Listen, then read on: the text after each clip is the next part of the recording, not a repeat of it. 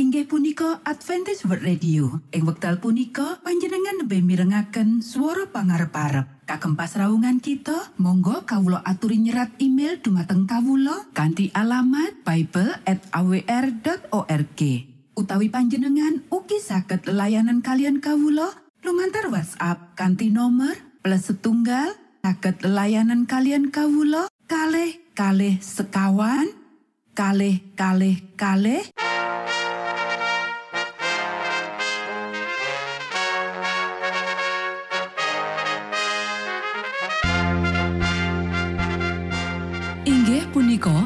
Adventist World Radio ingkang giaran kanti basa Jawi.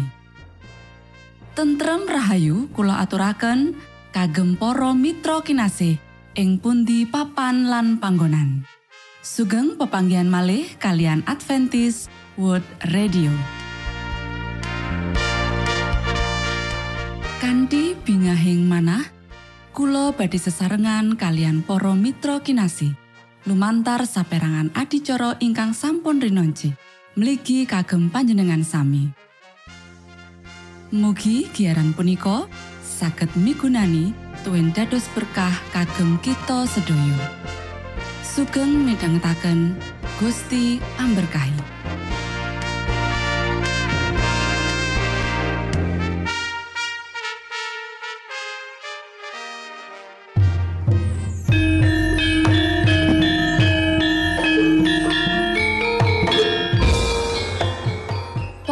Para pamirsa kinasih ing Gusti Yesus Kristus.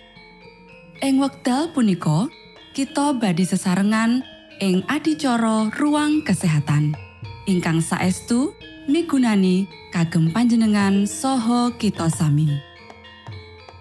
Tips utawi pitedah ingkang dipun aturaken ing program punika tetales dawuhipun Gusti ingkang dipunnyatakaken ing kitab suci. Semanten ugi sakehing seratan ingkang dipun wangsitaken dening Gusti Allah. Nanging saderengipun, monggo kita sami midhangetaken kidung pujian.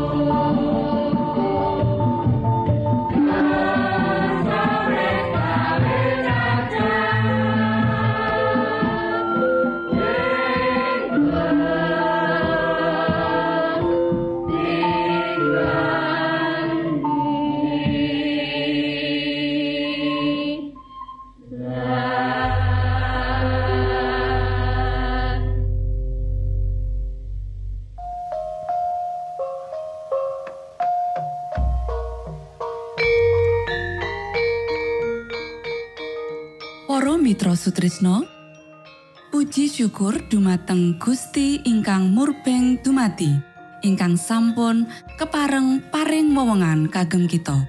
Satemah saged nglajengaken ruang kesehatan. Pirembakan kita semangke kanthi irah-irahan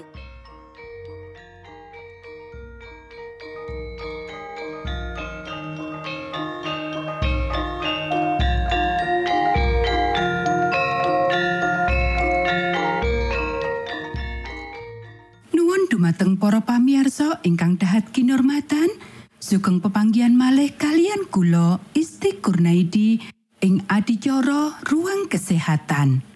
Ing dinten punika kanthi irah-irahan perangsang sing luwih lembut. Para sedherek ingkang kinasih, kemabukan dening omben-omben anggur, bir, sari buah apel, padha wae karo sing disebabake dening omben-omben sing luwih keras liyane. Panggunaane omben-omben iki bangkitake selera sing luwih kuat kanthi mengkono pakulinan marang omben-omben keras kabentuk. Ngombe sakjroning jumlah sedeng-sedeng wae sak ya iku sekolah sing didik pemabuk. Nanging banget jahate cara kerja saka omben-omben perangsang sing luwih lembut iki nganti wong wis mlebu dalan raja tumuju kemabukan lagi korban iku nyadari bebayane sing ngancam. Para sederek, saperangan wong sing ora tahu bener-bener dianggep mabuk tetep ana sangisore pengaruh kemabukan enteng. Dheweke rumangsa semangat, pikiran ora stabil lan ora seimbang.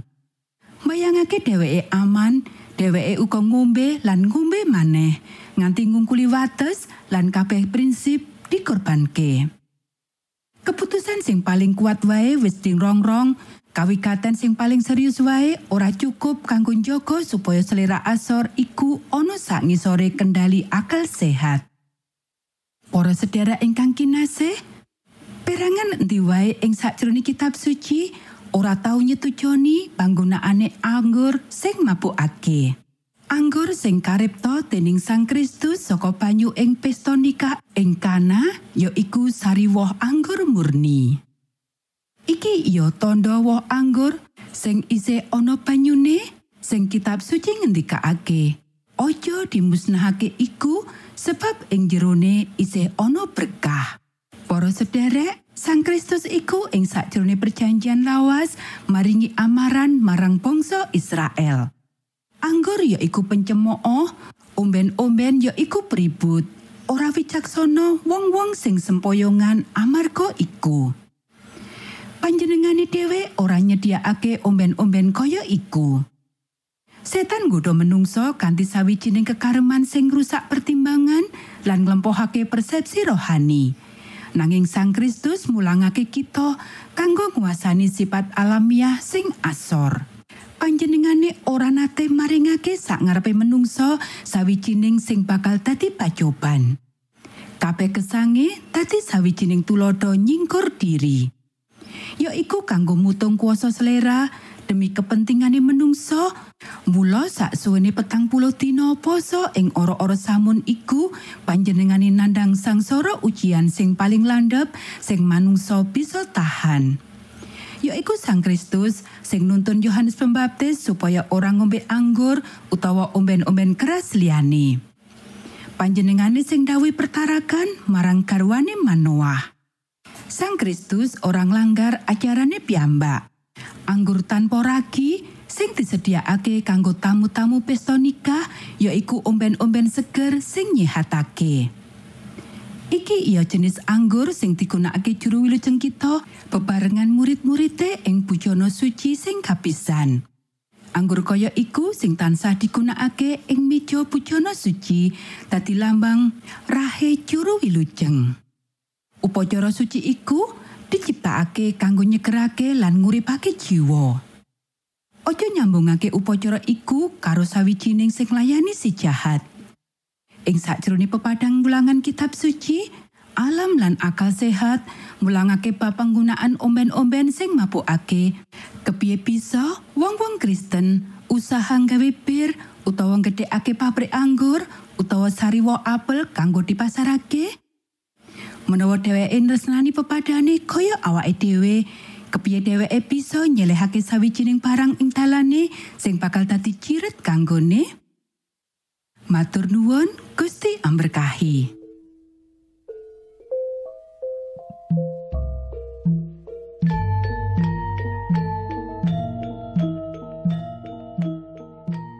Cekap semanten pimbakan ruang kesehatan ing episode dinten punika. Ugi sampun kuatos jalaran kita badhe pinanggih malih ing episode sak lajengipun.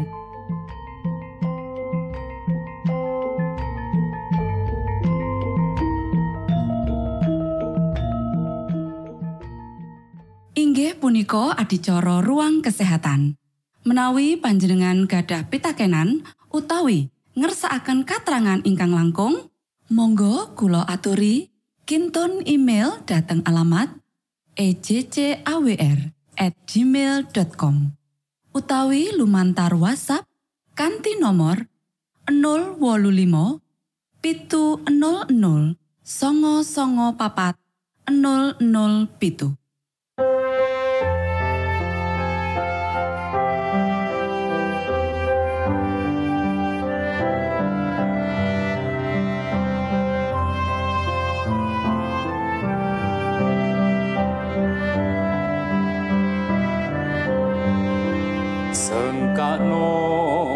Gusti pranyoto tumrap kang wis meh mati lan tumrap kang ngelak samyo kapringan tirta sakti manakang ngasor lan suci Gusti mirsa lan nampi kang samyo wuto indriya antuk pandulu mukti. Sengkakno asmeng pamarto ing ajeng ing projalmi. Sinupre mratobat samyo dados wargane Gusti.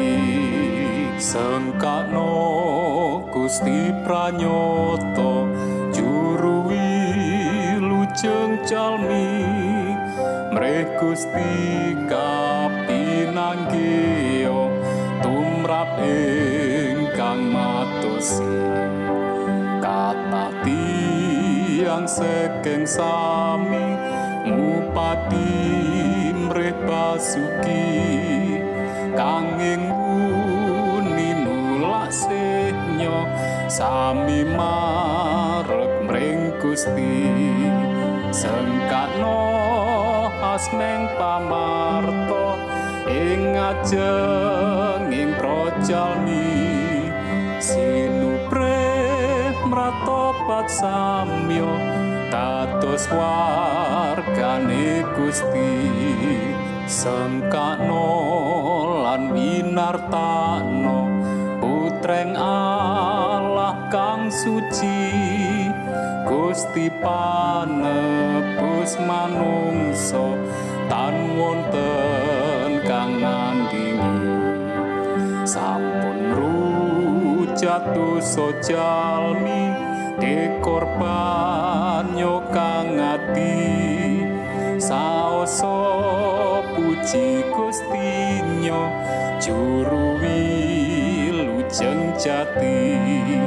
Sengkakno asmeng pamarto ing ajeng ing projalmi sinupre mratobat samyo dados wargane Gusti. Sengkakno lan winartano putreng Allah kang suci. Gusti panebus manungso tan wonten kang nandini sampun rujatuh sojalmi dikurban yo kang ati saoso puji Gustinyo juru wilujeng jati. Sengkakno asmeng pamarto ing ngajenging projalmi sinupre mratobat samyo dados wargane Gusti Saklajengipun, monggo kita sami midhangetaken mimbar suara pengharapan. Angkat napi kanthi pawarto Sang Kristus paderamu Pro umat samyo puji asmanyo Sang Kristus paderamu Inggih punika mimbar suara pengharapan. Ing episode punika kanthi irah-irahan Patimbalane Romo Abraham. Sugeng. Sulaya minangka Sang Kristus paderamu Ilmu kawero tambah lan tambah Sang Kristus paderamu Paderamu Paderamu Sang Kristus paderamu Shalom para pamirsa ingkang kinasih wonten ing Gusti. Sakmenika kita badhe mitangetaken renungan Sabda pangandikanipun Gusti. Ing dinten punika kanthi irah-irahan patimbalane Romo Abraham. Para sedherek ingkang kinasih, kanthi tuhu nampa timbalane Gusti Allah, Romo Abraham tekan ing papan panggonane kuwi cunduk karo apa sing dadi pangantikane Gusti Allah marang Romo Abraham. Nanging saka wiwitan koyoke akeh masalah lan ora mlaku kanthi apik kanggone Romo Abraham. Nalika tekan ing papan panggonan kang wis katitahake dening Gusti Allah marang Romo Abraham supaya lunga, nanging miturut kitab suci nalika semono kang ngenggoni tanah kono bangsa Kanaan. Kita bisa maca ing kitab Perwaning Tumati pasal rolas ayat 6. yaiku bangsa kafir kang misuwur babagan kapengisane lan dursila wong-wong kono. Orang gumun sak mungkure Romo Abraham tekan ing tanah kuwi, Gusti Allah nuli ngatingal marang Romo Abraham sarta ngendika. Turunira bakal sun paringi tanah iki. Purwaning tumati pasarolas ayat pitu. Ora sangsi maneh menawa Romo Abraham butuh piandel. Nanging akeh macemi masalah kang ora kelakon kanthi api kanggone saora-orane ing wiwitane. Para sedherek ingkang kinasih, monggo diwaca ing kitab Perwaning Tumati pasarolas ayat 10 nganti telulas. Pareng ing tanah kono pinuju pailan, Romo Abram pidal menyang ing tanah Mesir. Sumetyo lerep ana ing kono kaya dene wong monco, marga pailane ngegirisi banget. Kacarita bareng tindake wis cedhak tanah Mesir, tumuli ngantika marang kang garwa Ibu Sarai. Lah to aku weruh yen kue iku wanita kang endah ing warna. Samangsa wong Mesir ndeleng kowe mesti ngarani iku somae, banjur aku mesti dipateni lan kue diuripi. Mbok iya kue kondo yen satulurku supaya aku lestario selamat marga saka kowe lan nyawaku tulus urip merga saka kowe. Para sederek, apa kang tembe mburine bakal kedadean menggaing Romo Abraham lan kaluputane apa kang dilakoni Romo Abraham iki? Para sederek mentai rasa kuciwane bab apa kang kedadean kang dialami Romo Abraham. Ninggalake papan kang kepenak lan papan kang kebak karo pinerkahan ing kampung patunungane banjur budal mongko ora mirsa ing ngendi papan kang bakal kacucuk. Lan siji saka akeh masalah ya iku rasa keluwen sing diadepi Romo Abraham iki. Awit saka rasa keluwene, temah Romo Abraham selak saka dawe Gusti Allah banjur golek daerah liyane. Lan sabanjure nemoni babakan kang luwih abot sangane. Saksuwene ing tanah Mesir, Romo Abraham paring bukti menawa panjenengane ora selak saka karingkiane lan saka ora kasampurnane manungsa. ing sakjroning nutupi kasunyatan menawa Ibu Sarai iku minangka garwane Rama Abraham ngepehake piantel Gusti Allah. Panjenengane ngatoni kurang tatak lan tanggon ing iman kang asring nyata ing panguripane. Awit saka karingkiane iman Rama Abraham, Ibu Sarah nemoni pepaya kang gedhe banget. Ratu Pringon nalika krungu critane yen ayune Ibu Sarah banjur paring dawuh supaya slirane kakarwa ing kraton kanthi maksud didadekake prameswari. Nanging Gusti Allah jroning rahmate kang agung paring pangayoman marang Ibu Sarah lan paring pependu tumrap kratone Ratu Mesir dalah saisine. Para sedherek ingkang kinasih, ora ana wong kang ngendika yen pakaryan misi kuwi gampang. Lan kanthi munafik lan apus-apus, Rama Abraham mung bisa nggawe kahanan sansaya abot. Bejane, Gusti Allah iku Gusti kang sabar lan panjenengane ora ninggal umate awit saka kaluputane. Kang dadi ipane ati, ora mung Rama Abraham wae kang lakoni babagan kaya ngono. Sak temene, dadi panglipuran nalika kita mirsa menawa kita udar saka kaluputan menawa kita rumaket marang Gusti Allah sakjroning iman lan pasrah sumarah kaya dene kalampahane Rama Abraham ora mung kekeliruan utawa dosa lan kaluputan kita bakal diapura nanging uga Gusti Allah tetap nggunakake kita kanggo ngayahi pakaryan misi iki Monggo kita sami ndedonga. Duh Rama kawula ingkang wonten ing swarga, asma patuko mugi kasucikaken.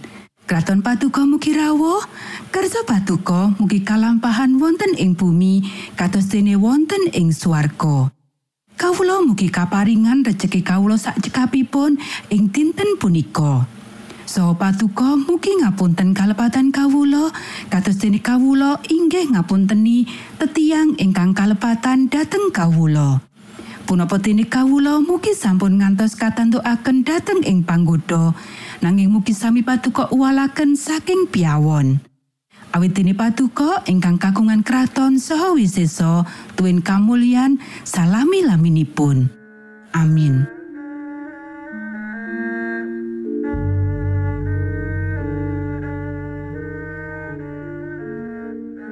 Para Mitra Sutrisno pamiarsa kinasih ing Gusti Yesus Kristus. Sampun paripurno pasamuan kita ing dinten punika.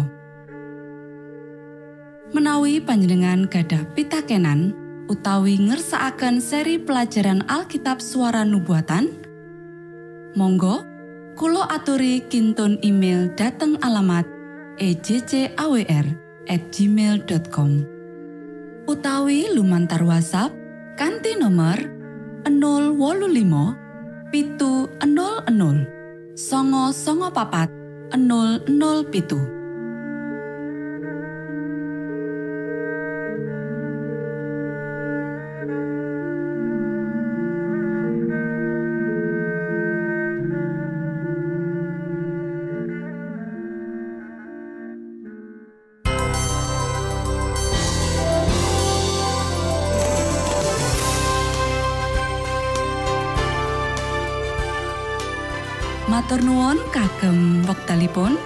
kita badhe pinanggih malih ing gelombang ugi wekdal ingkang sami.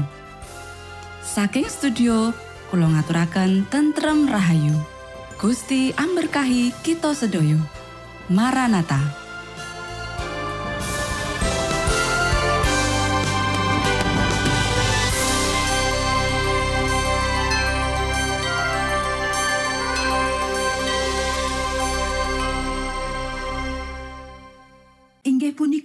Adventist World Radio. Ing wekdal punika panjenengan lebih mirengaken swara pangarep-arep. Kagem pasraungan kita, monggo kawula aturi nyerat email dumateng kawula kanthi alamat bible@awr.org. Utawi panjenengan ugi saged layanan kalian kawula lumantar WhatsApp kanthi nomor plus setunggal saged layanan kalian kawula kalih kalih sekawan kalih kalih kalih